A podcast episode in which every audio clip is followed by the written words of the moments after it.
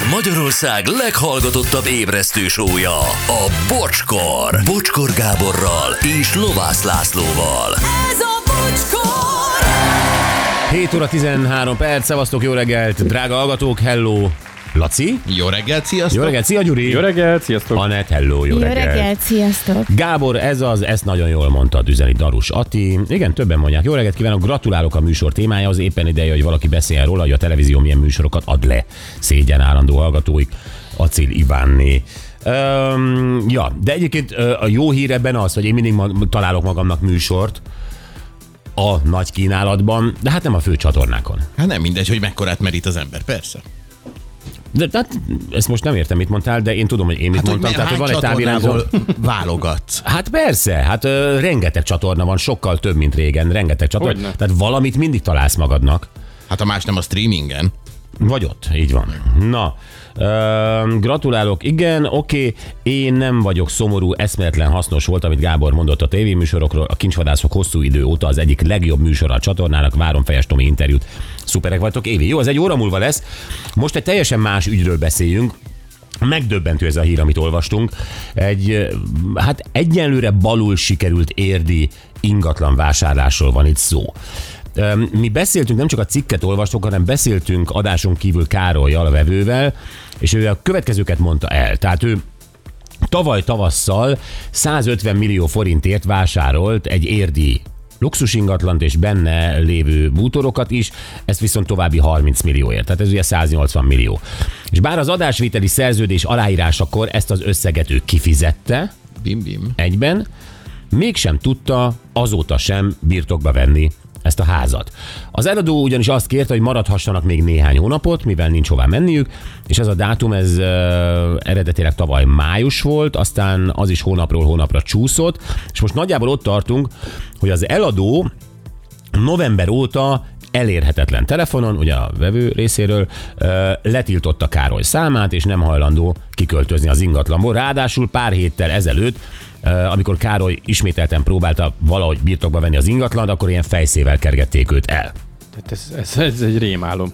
Ez egy rémálom. Na most itt ilyenkor uh, nyilván minden uh, kedves hallgatónak, aki Deriken és Starsken Hatchon nőtt fel, uh, azt gondolná, hogy hát akkor ja, erre való a rendőrség. Így van, nem sokára jön egy gyönyörű szép BMW, amit Harry vezet, és majd a nyomozó urak ezt helyre teszik. A magyar Hári, igen, egy, egy, egy oktáviával, de akkor is. Tehát, hogy bemutatom, hogy nézzétek, ez az én házam, itt vannak a papírok, stb. kedves rendőrség, és nem akarnak elmenni, és fejszével fenyegetnek. Szerintem ez annyira egyértelmű dolog, hogy ilyenkor be kéne ülni az oktáviába, elmenni a helyszínre, fülön fogni ezeket, kivezetni. Igen, és Főleg úgy, hogy tényleg ott vannak a papírok, hiszen vannak a papírok. már tulajdonos, bejegyzett tulajdonos. a bejegyzett tulajdonos. És tényleg, szóval ez, ez, ez, én nem tudom mire, de, de viszont örülök, amikor a rendőrség Mátra Gergely Gelej háza pihenőnél reggel hétkor mindenkit megfújat. Tehát, hogy, hogy az, az, az tevékenység. De ilyen esetben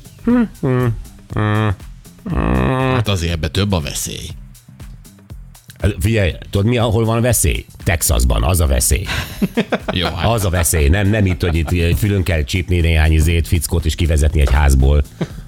Jó, hát azért, ha lehet választani, akkor én se inkább érdel lennék, hanem a Mátra pihenőnél.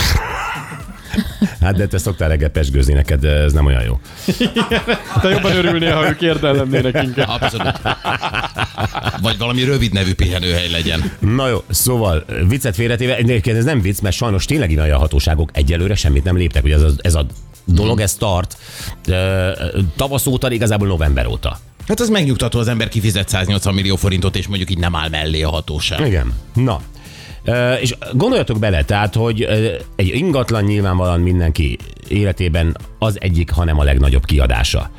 És ezért gondoltunk, hogy azért is foglalkozunk Károly esetével, meg áttételesen minden ingatlan vásárlási esettel, mert meg akarjuk azt nézni, hogy milyen hibákat követhetünk el, milyen hibát követhetett el Károly, amennyiben elkövetett, és szerintem mindannyian kell, hogy tanuljunk ebből. Annyi fogalom elhangzott itt már, birtokba vétel, használati jog, ö, tulajdonosi, nem tudom micsoda. Ö, Ezek mind-mind külön fogalmak, és főleg a pénzátadás, tehát hogy az mikor és hogy történjen. És ezért van itt velünk jó barátunk, dr. Olt Gergő ügyvéd. Szia Gergő, jó reggelt! Sziasztok, jó reggelt mindenkinek! Szia! Na, te is azért amennyire tudtál, utána néztél ennek az ügynek, itt most az eddigi információk alapján hol látod a hibákat? Károly követette valahol hibát itt az adásvételt illetően. Hát azon nagyon kevés info alapján, ami rendelkezésemre állt, azt gondolom a legeslegnagyobb hiba az ott, ott követődött el már, bocsánat a kifejezésért, hogy egy összegben rögtön a szerződéskötéskor kifizette a, a teljes vételárat, nem tartott vissza semmit olyan esetekre, mint például egy birtokbadás meghiúsulása, illetőleg már nem láttam a szerződést, feltételezem, hogy nincsen benne egyéb olyan biztosítéki eszköz, mint például egy késedelmes kötbér vagy valami hasonló, ami mind azt eredményezte volna, hogy, hogy ne következzen be ez a helyzet. Öm, jó, ez azt jelenti, hogy nyilván, hogyha több részletben fizeti, akkor ugyanúgy előfordulhatott volna, és akkor maximum 75 millió forintot ö, ö, ö, előlegként átutalt volna, és ugyanúgy nem tudta volna birtokba venni a házat, akkor nem ugyanez a helyzet? Tehát, hogy hogy- Általában az a, az, a, az a tapasztalatom nekem, hogyha egy viszonylag nagyobb összeg vissza van tartva, bár ettől nagyon óckodnak az eladók, de az mégis arra ösztönző őket, hogy elhagyják az ingatlant, és megtörténni a tényleges birtokbadás. Tehát az már egy nagyon mi, mi gyanús legyen az aránya ennek? Tehát egy hány százalék legyen előlegként kifizetve, amit javasolsz, és hány százalék legyen visszatartva, hogy azért valóban az eladó el is húzzon onnan a lakásból, hiszen érdeke a nagyobb lóvét fölvenni. Én mindenképpen a foglaló szót használnám, és azt a, azt a jogintézményt is a szerződéskötéskor, ugyanis ugye a, fel, a felróhatóság arányában a teljesítés meghívsulásért felelős fél ugye elveszti az adott foglalót, és a kapott foglalót pedig kétszeresen köteles visszaadni, szembe az előleggel, amikor, ami meghiúsulás esetén mindenképpen visszajár. Tehát első körben mindenképpen egy foglalót javasolni kikötni, és szoktunk is alkalmazni a szerződéskötéskor, és azután, ha van még részteljesítés, azok, azokat hívhatjuk előlegnek, vételár előlegnek, illetve részteljesítési összegeknek. Ennek az általában 10% szokott lenni a nagyságrendje, ennél van túlzott a mértékű foglaló, csak nagyon indokolt esetben fog- fogad el a bíróság. Jó, a, a foglalót értem. Tehát én lefoglalózom a házat, a Gyuri, Gyuri házát, adok neki 10% foglalót, ha én elállnék valami miatt ettől a vételtől, akkor Gyuri megtartja az én foglalómat. Eddig értem. Jó, most nem álltam el a vásárlástól, jön az előleg. Ugye? Ez egy másik összeg. Igen, de itt is ez egy, ez egy érdekes kérdés, mert a foglaló elvesztése az nem egyenlő azzal, hogy a szerződés, következ, szerződés szegés jogkövetkezménye alól mentesüljünk. Tehát a foglaló az nem arra szolgál, hogy egyéb elvesztettem az átadott pénzt, vagy egyéb ánat kétszeresét visszaadom, és akkor elálltam a szerződéstől. Az elállás az egy teljesen más jogintézmény. Itt a szerződés szegés esetén való meghiúsulásról beszélünk, eh, akkor a foglalón felüli kárt ugyanúgy tudjunk érvényesíteni, és a foglaló ugyanúgy jár. Jó. És akkor a folyamatos tárgyalásnál érdemes uh, ugye egymással kommunikálni és fölmérni teljesen a, a lehetőségeit a másik félnek, és azt szerint ütemezni az esetleges további kifizetést többek között megnézni, hogy van-e hova mennie. Ha esetleg ő másik ingatlant akar venni, akkor az ott meghatározott fizetési ütemezéssel nagyjából azonos ütembe összefésülni ennek a mi szerződésünknek a fizetési ütemezését, és azt szerint fizetni, amennyire lehet, hogyha esetleg ezt egy ügyvédnél meg tudjuk oldani, és egy kézben van, akkor nyomon is tudjuk követni már amennyire hozzájárulnak az adatok Mások azt javasolták, Gergő, hogy mindenképpen akkor is, hogy az eladónak van ügyvédje, te is vigyél magaddal egyet, mert azok összejátszhatnak, vannak simlis ügyvédek is, tehát javaslod-e azt, hogy mindenki vigye a sajátját? Engem nem szokott zavarni, hogyha hozzák a sajátot, de alapesetben az ügyvéd normál esetben mindkét fél érdekét ugyanannyira kell, hogy képviselje. Az a teljesen megnyugtató számomra is egyébként, hogyha főleg, hogyha nincs egyetértés és teljes összhang a felek között, hogyha mindenki hozza a saját ügyvédjét, az ügyvédje, ügyvédek egymás között kommunikálnak, megbeszélik a jogi fogalmakat, mindenki a saját ügyfelével közli, megérteti, és akkor viszonylag gördülékenyebben tud menni Oké. a, az eset. Uh, itt ebben az esetben nem tudom, hogy hogy történt, uh, olyat hallottunk, hogy mint hogyha a vevő, azaz Károly, az ügyvéd számlájára utalta volna a pénzt. Ez, ez szokásos eljárás, vagy, vagy általában máshova szokták ezt utalni? Az ügyvédi letétbe való teljesítés, az utalás, ha ez történt Károly esetében, igen, az szokásos, Viszont annak, abban az esetben nem látom túl sok értelmét, hogyha úgy utaljuk az ügyvéd letéti számlájára a pénzt, hogy az rögtön a szerződés kifizetésben aláírás, akkor ki is fizeti az eladónak. Aha. Hát az tulajdonképpen ugyanazt történik, mint a direktbe átutalnák az eladónak. Az ügyvédi letéti teljesítésnek az lenne az elsődleges lényege, hogy rendben, megmutatom, rendelkezésemre áll a vételár, tessék, oda is adom, kiengedem a rendelkezésem alól, hiszen átutalom a az ügy eljáró ügyvéd letéti számlájára, és viszont ott meg kell határozunk egy feltételt az ügyvédnek is, meg a másik félnek is, de innen te csak akkor kapod meg, ha.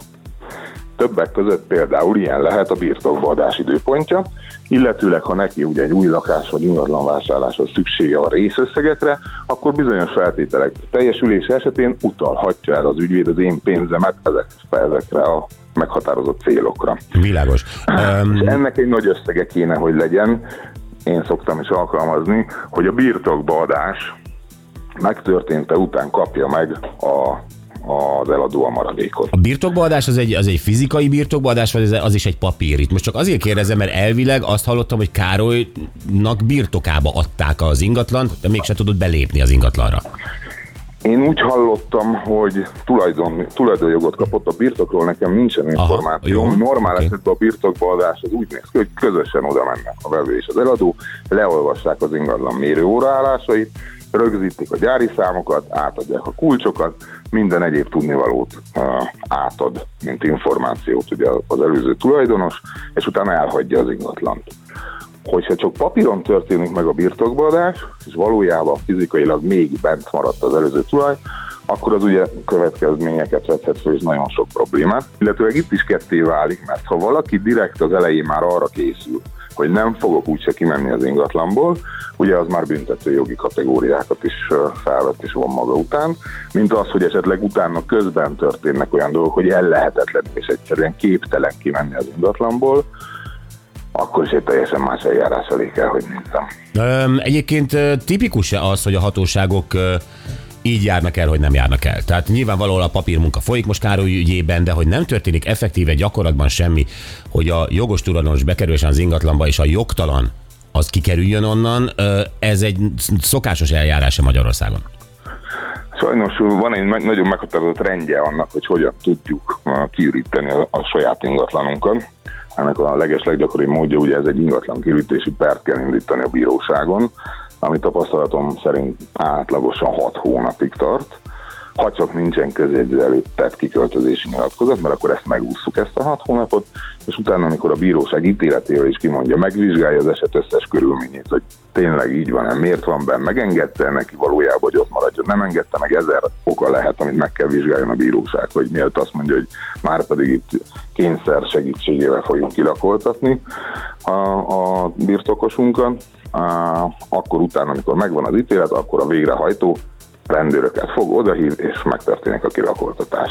Én szerintem, ahogy olvastam a, a különböző cikkekben, ezt az eljárást elindították, de azért ez idő lesz, amíg beérik. De hat hónap durván. Hát hat hónapon belül nekem még nem volt ilyen jellegű ítélet, amíg ilyen hat hónapot az kell, azt kell mondjam, hogy az, az a minimum eset. Gergő, említetted a kötbért, ezt e, milyen feltételek teljesítéséhez köthetjük, meg milyen arányú lehet ez az összeg? A kötbérből is nagyon sok fajta van. Szerződéseknél én azt javaslom, hogy mindenképpen késedelmi kötbért kössünk ki, nem meghiúsulási kötbért. Teljesen mások a joghatásai.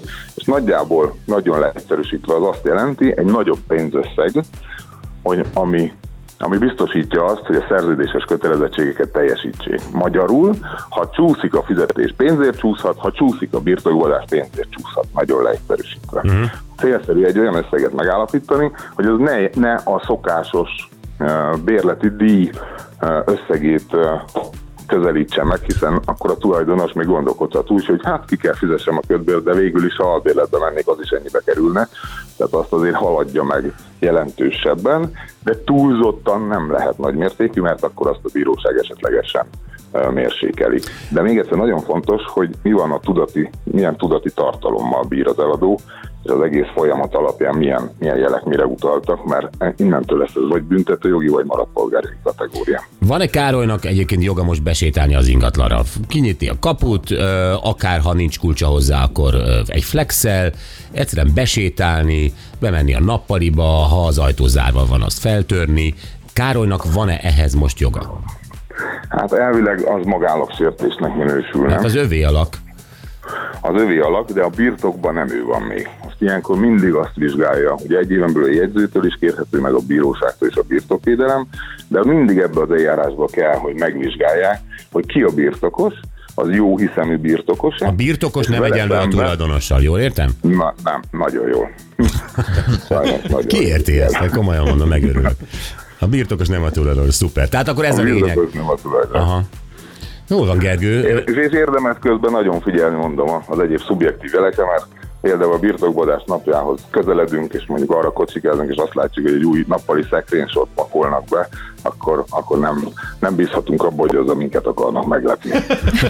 Valószínűleg, valószínűleg, valószínűleg nem áll szándékukba nekik kivenni onnan, akkor már érdemes előző. előzetesen. Én azt gondolom, hogy amit ebből tanulhatunk, az az, hogy ez is mindenki vigye magával a, a, a tényleg bizalmába fogadott ügyvédjét. Tehát akkor is, ha másik ad ügyvédet, az ügyvéd pénzbe kerül, de vidd magaddal, mert téged képvisel. Kettő, ezeket a lépcsőzetesen, lásd foglaló, lásd előleg, a megfelelő arányokban, az ügyvéd által javasolt arányokban, és Így arra a számlára utaljátok csak át, és valóban csak a birtokba vétel után kerüljön egy letétbe helyezett maradék összeg átutalása. Jól mondom, Gergő? Én ezt javasolom mindenkinek. Igen, van, amikor sajnos az élet köz- közbeszól, és nem lehet ezt ennyire kristálytisztán le, eh, leírni, vagy rögzíteni, vagy megtenni, de mindenképpen ez az egészséges, főleg, hogyha gyanús jeleket is tapasztalunk közben. Így van. És a harmadik tanácsom, ne vegyetek házat, érden. Köszönöm, én nem sokára árulni fogok. Hát ezt buktad. Oké, okay, Gergő. Nagyon-nagyon szépen köszönjük. Én köszönöm. Köszi, dr. Old Gergő ügyvéd. Szia! Yes. Na, ez tök hasznos volt. Hát már amennyiben érthető, én próbáltam olyan fejjel követni a szavakat, meg minden, hogy hol vesztem el a figyelmemet. Többször elvesztettem. De azért elképesztő közben azon gondolkodtam, hogy egy ilyen hétköznapi dolog, mint egy adásvétel, annyira írtózatosan meg van bonyolítva, és annyi a buktatója, hogy ehhez tényleg valami nagyon komoly szakembernek kell lenni, hogy Ezért kell a szakember, Igen. ezért kell az ügyvéd, mert látod, Gyuriát, ezt a teljesen banális kérdést tettem fel, hogy a birtokos az nem ugyanaz, mint a tulajdonos? Nem. Nem. Halló? Nekem ezek szinonimák. Igen. Tulajdonképpen ki van fizetve, ott a tulajdonos, és még őt viszi el a rendőr, ha megpróbál bemenni Igen. a saját házába. Így van. Tehát vagy egy ügyvédet vigyél magaddal, vagy egy nyelvészt. Aki tudja, Inkább mi a ügyvédet, hiszen a, a, a jog az nem más, mint egy furcsa nyelv, amit csak ők értenek. Mert ugye az igazságérzete mindenkinek megvan. Igen. Jó, kérdezzük már valamit a hallgatóktól. Például azt a helyzetet, amikor kötöttél egy üzletet, de baromira átlettél vágva. Uh-huh. Na, eddig mindig dicsekedtetek azzal, hogy milyen nagy üzletek, mi milyen nagy hasznot szereztünk, uh, ugye az elmúlt napokban ezekről beszéltünk.